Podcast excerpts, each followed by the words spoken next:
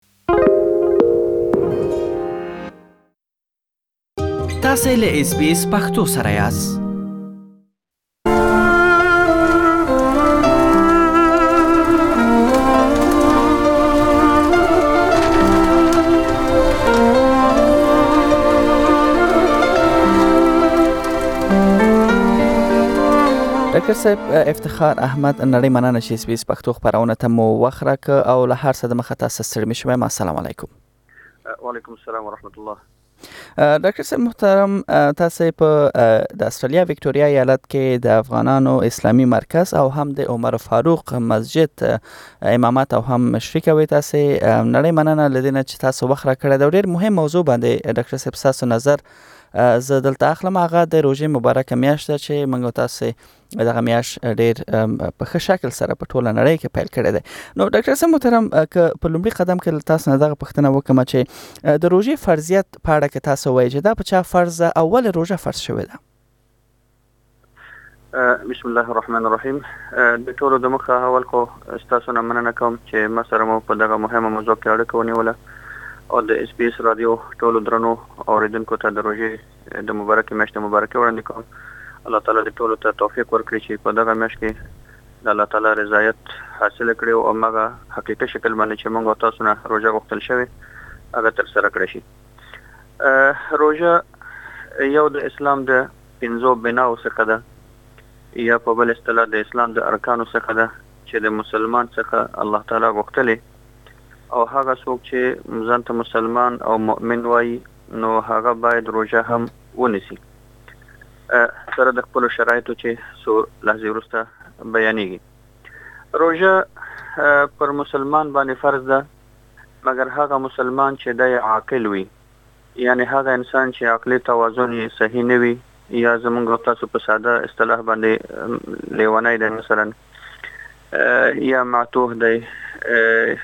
یعنی عقلي توازن نه لري په هغه باندې فرض نه دی په ماشوم باندې روژه فرض نه دی، یوازې په هغه کسانو فرض دی چې هغو بالغان دي، مګر کله چې موږ او تاسو بالغ وایو د بالغ نه مراد هغه څوک دی چې هغه یا پنځلس کاله پوره کړي وي او یا د پنځلس کلنۍ څخه مخکې هم د بلوغ نښې پر هغه باندې لیدل شوې وي. دا خبره وضاحت مې هم ځکه وکړه چې دغه وضعي قوانینو کې بالغ دوی اتلس کلن ته وایي. حال دا چې د شریعت د لحاظ نه بالغ مونږ هغه چا ته وایو چې هغه باندې د بلوغ نښې ښکاره شوې وي او یا یې پنځلس کاله عمر پوره کړی وي نو په دغسې کسانو باندې روژه فرض دی بل په هغه چا باندې فرض دی چې دی سالم وي صحیح وي یعنې مریض نه وي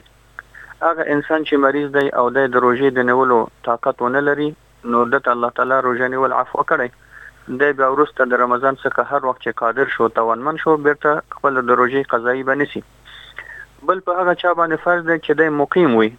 یعنې په خپل کور او کلي کې اوسیږي، مسافر نه وي، مسافر باندې روژه فرض نه ده، اګر چې علماء دا بیانوي که چیرې مسافر ته په روژه نیولو کې حرج او تکلیف نه وي، نو ده ته بیا بهتره ده چې روژه ونیسي. اما که مسافر روژه ونه نیسي نو ده باندې کوم حرج د شریعت لحاظ نه نشته ځکه الله تعالی ده ته دغه روژه خوړل یا روژه نه نیول رخصت ګرځولی دی په دې باندې نه ګناهګاریږي بل شرط دا دی چې انسان آزاد وي اګر چې اوس د غلامۍ تصور نننۍ نړۍ کې نشته مګر د شریعت احکام تر قیامته پورې باقي دي نو په غلام باندې روژه فرض نه ده ځکه غلام همیشه بادر د هغه نه کېدای شي داسې ډېر مشقتبار کارونه هم وغواړي بل دا دی چې دی د خپل دبادار اجازې پورې معلق وي نو غلام باندې هم روژه فرض نه ده ځکه د روژې دپاره آزادي شرط ده چې آزاد مسلمان وي آزاد انسان او مسلمان وي نو هر هغه څوک چې په دغه شرایطو باندې برابر وي په هغه باندې د رمضان د مبارکې میاشت روژه نیول فرض دي.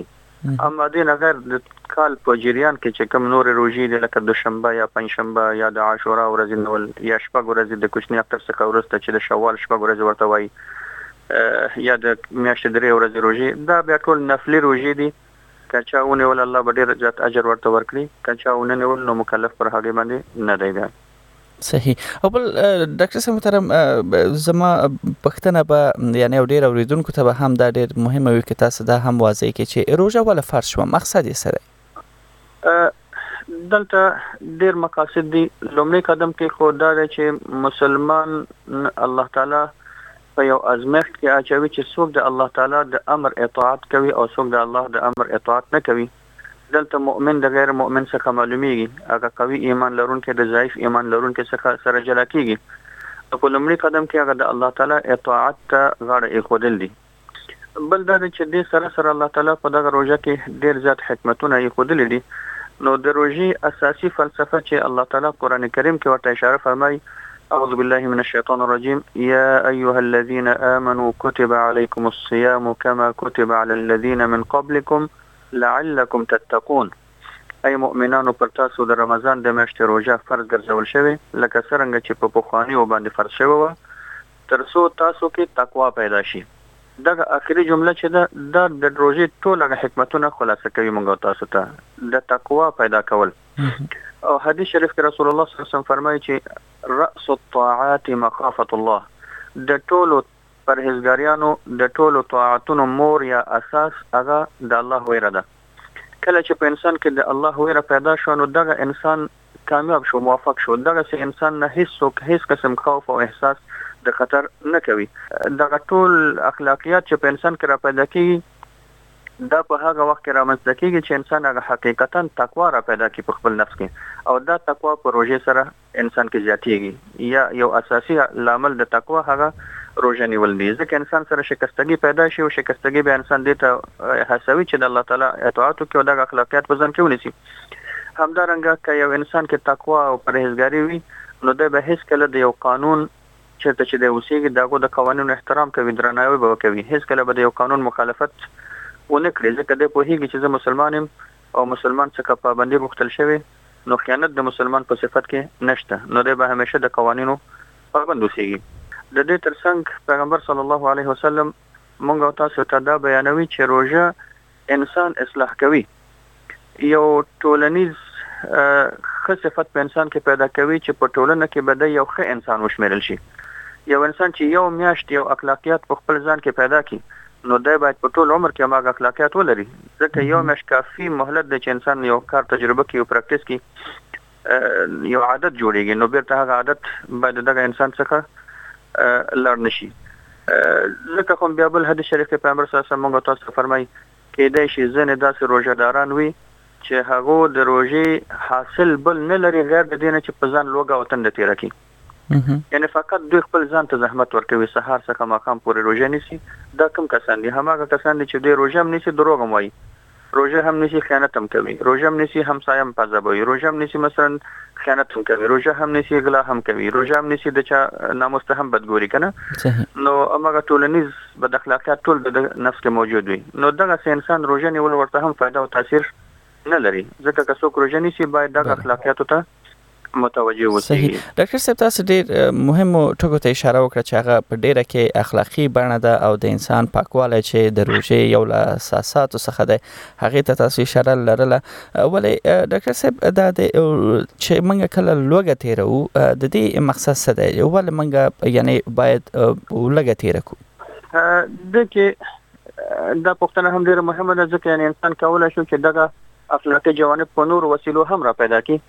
مګر الله او رسول چې موږ او تاسو ته کوم حکم بیانوي په هغه کې ډېر غټ فلسفې پرتې وي ځکه اوس دغه رادیو د لارې دا ټول مسایل نشي حلېدلی ځکه وخت ډېر محدود وي مګر په دې کې دوه شیانو ته زه اشاره کوم چې هغه په دې کې اساس دی لومړی دا دی چې انسان د صحت هم په نظر کې نیول شوی موږ تاسو ګورو که یو انجن دی یو ماشین دی یو موټر دی هغه سرویس ته ضرورت لري وختن په وختن نو دغه د رمضان مبارک میاشت د انسان د بدن او د اعضاو لپاره د یو سرویس حیثیت لري نو یو په دې کې دا د انسان صحت په نظر کې نیول شوی او حدیث کې رسول الله صلی الله علیه وسلم فرمایي صوموا تصحوا تاسو روزه ونیسئ ترڅو تاسو صحتمند اوسېږئ. نو په لومړي قدم کې دغه یو میاشت روژه نیول د انسان هغه صحت په نظر کې نیول شوی تر څو د ده بدن دغه زهري موادو څخه او دغه بې ځایه هغه غوړ او چربیاتو او د دغه شیانو څخه پاک شي نو انسان صحت په نظر کې نیول شوی. دوهم قدم کې دا دی چې یو انسان که چېرې همیشه موړ وي او دی د هغې تر څنګ سرمایه دار او غني هم وي نو دی هېڅکله د غریب او بېچاره د احوالو څخه نشي خبرېدلی. مګر یو ورځ هم چې دی لوږه په ځان باندې تېره کړي، ده ته بیا د غریبانو او بېچاره ګانو، بېوزلو، مظلومانو، یتیمانو، د کونډو، رنډو د دوی احوال معلومېږي، نو دی بیا کولی شي چې د خپل توانمندې مطابق، د خپل هغه قدرت مطابق د هغو لاس ونیسي، هغو سره مرسته وکړي، هغو سره نفقه ورکړي، ځکه هم رسول الله صلی الله علیه وسلم فرمایي چې د د رمضان میاشت د خیراتونو، صدقاتو، د نفقاتو، د بېوزلو د لاس نیولو میاشت ده. صحیح بل ډاکټر صاحب محترم وبخښئ چې تاسو خبره ما قطع کړه دلته یو مهم اصل ته تاسو اشاره وکړه چې هغه مثلا د غریب حال کې ځان یعنی راوصل دي او هغه حسول دي زموږ تاسو د روزي یعنی روزه راځي او یعنی په مقصد باندې ځان منګه خپوی نه کو ځکه روزه کې که روزه مات کې ډیر زیات خواړه وي لس رقم خواړه وي همدا سه مثلا په سحری کې یا په پښنمی کې هم همدا سه ډیر زیات خواړه وي دومره منګه وخرو چې بیا ټول ورځ زمونږ هماغه کیدای شي هغه معده هم دومره ډکه وي چې هغې نه مونږ په تنګ اوسو نو آیا د اصل مقصد پوره کوي د روژې دلته یو نقطه خو دا ده چې انسان باید دغه بیچارهګان او بېوزله خلک دا غریبان چې هغو کیدای شي روژه نیسي او هغو په افطار په وخت کې غیر د یو ګوټ اوبو نه بل څه شی ونه لري یا د یو مړې وچې ډوډۍ څخه بل څه شی ونه لري نو دلته انسان ته لازم دی چې د خپل خوراک هغه د اسراف حد نه وباسي او د خپل اضافه خرچ چې کوي دا د غریبانو بېوزلو ته ورکړي نو دلته به الله تعالی دغه انسان ته هم د روژې هغه فضیلت او ثواب ور په برخه کړي او هم د غریب د لاس نیولو چې دا نفقه خپل ډېر زیات اجر او فضیلت لري او حدیث شریف کې رسول الله صلی الله علیه وسلم فرمایي چې هغه څوک یو انسان ته روژه دار ته یعنی حتی فقط یو خرما هم ورکړي که نور شی ور نکړي نو دغه انسان ته د ټول ګناهونو مغفرت دی او که څوک یو روژه دار په نس باندې مور کړي دومره ډوډۍ او غذا ورته ورکړي چې هغه په هغې باندې مور شي نو فرمایي چې زه دته د قیامت پر ورځ د حوض کوثر څخه داسې اوبه ورکم چې دی به د قیامت په هغه سختیو کې بیا تند احساس نه کړي نو سبحان الله که دې ته وګورو دا ډیر غټ فضیلت دی نو اصلا مسلمان هم دې ته تشویق شوی دی چې خپل ځان باندې دا څون د روزي میاشت اصلا د صبر میاشت ده نو انسان د دغه غذا په مقابل کې لک صبر وکړي او د خپل غذا کم کړي او مسکینانو غریبانو ته ورکړي اما که انسان ته الله تعالی قدرت او استطاعت ورکړي د خپل غذا هم منظموي او یعنی اوسه فوق العاده خوراک خوراک کوي او په ضمن کي دغه بيچاره ګان او مسکينان هم نه هيروي نو په دغسي انسان باندي بيا باک نشته خو ښه داده چي انسان خپل وسې نظر ونيسي او دغه ټول غريبان ځان سره په دغه نعمت کي شريک کړي. صحیح ډاکټر صاحب محترم څنګه چې دا موضوع ډېره زیاته پراخه ده او ستاسو علم هم ډېر زیات دی یعنې کولی شو چې په ساعتو بحث وکړو ولی د پروګرام د وخت کمي له وجې نه زما وروستۍ پوښتنه به له تاسو نه دا وي چې روژه ډیر زیاته فلسفه لري ول په ځانګړي ډول کې د دې فلسفه دلته په استرالیا کې میشت ځوانانو ته په ټوله کې ځوانانو ته یا خلکو ته تاسو یو څه بیان کړئ نو دا به هم خوي که زه د ټوله روژه خلاصه کوم دا خو خلاصه کېدل نه شي په یو جمله کې یا په یو یو لند لند وینا کې خو رسول الله صلی الله علیه وسلم په یو حدیث مبارک کې مونږ تاسو ته د رمضان په اړه باندې فرمایي وهو شهر الصبر رمضان د صبر میاشت ده نو رمضان د صبر میاشت په دې معنی ده چې دغه مسلمان ته د صبر درس ورکوي چې مسلمان باید صبر زده کړي او په خپل ټول ژوند کې دغه صبر تطبیق کړي. نو صبر د څه شي نه باید انسان صبر وکړي؟ صبر د شهوت نه او شهوت چې کله موږ او تاسو دغه لفظ یادوو د ډېرو په ذهن کې فقط هغه یو جانب ورځي چې هغه هغه جنسي غریزه ده. مګر د شهوت د شهوت تعریف ته که موږ او تاسو وګورو، شهوت خېټې سره ارتباط لري، شهوت مال سره ارتباط لري، شهوت هغه چوکۍ او منصب سره ارتباط لري، ډېر شیان دغه شهوت کې شامل دي. نو رمضان میاشت د صبر میاشت ده، مسلمان باید په لومړي قدم کې د شهوت څخه صبر وکړي، د چا ناموس ته بد نه ګوري، د چا هغه عفت او ابرو ته بد نه ګوري، خپل سترګې ساتي، خپل خېټه ساتي، حرام نه خوري، رشوت نه خوري، مثلاً غلا نه کوي، سود نه اخلي، نه ورکوي، دغه ټولو شیانو نه مسلمان ځان ساتي همدارنګه انسان مثلا صبر کوي دغه صبر په انسان کې هغه حوصله او تحمل اضافه کوي که یو انسان چاته بد هم وایي نو ته دغه په مقابل کې تحمل کوي ته هغه سره بیرته دوباره همغه چلند نه کوي ځکه خو رسول الله صلی الله تاسو ته فرمایي که یو انسان تاسو سره د رمضان په میاشت کې جنګ هم وکړي ته ورسره جنګ مکوه فقط ورته وایه چې زه روژه لرم ځکه دا یو ډیر غټ د حوصلې او د صبر درس موږ تاسو ته راکوي نو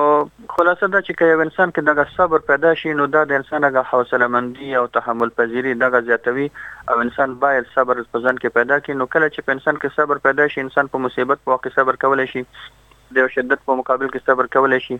د یو بل چا د یو ناروا چلند په مقابل کې صبر کولی شي، انسان فقط دغه خپل طاقت او زور څخه یو مشروع او قانوني ځای کې استفاده کولی شي، نو داسې د انسان هغه ټولنیز شخصیت او حیثیت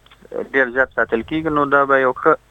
موږ او تاسو ورته هغه دریکې شهروند خوب ورته ویلی شو، که نه نو یو ښه ټولنیز حیثیت به دی ځان ته پیدا کړي. نو دا هماغه اساسي یعنې نقطې وې چې په احادیثو کې ذکر شوي دي، غیر د هغې نه دغه هر نقطې ته چې تاسو اشاره وکړه نو دې باندې په ساعتونو باندې که سړی خبره وکړي نو هم کم دی ورته نو زه ډېر زیات مننه کوم تاسو نه چې ډېر زیات مننه مسایلو کې مو برخه واخیستله موږ سره خوشاله اوسئ خوشاله اوسئ بالکل لکه څنګه چې تاسو خپله وویلې وخت کم دی او موضوعات ډېر زیات یعنې سپیناوی غواړي ډېر زیات پرې بحثونه غواړي ولې دومره موږ وشو کولی چې هغه مهم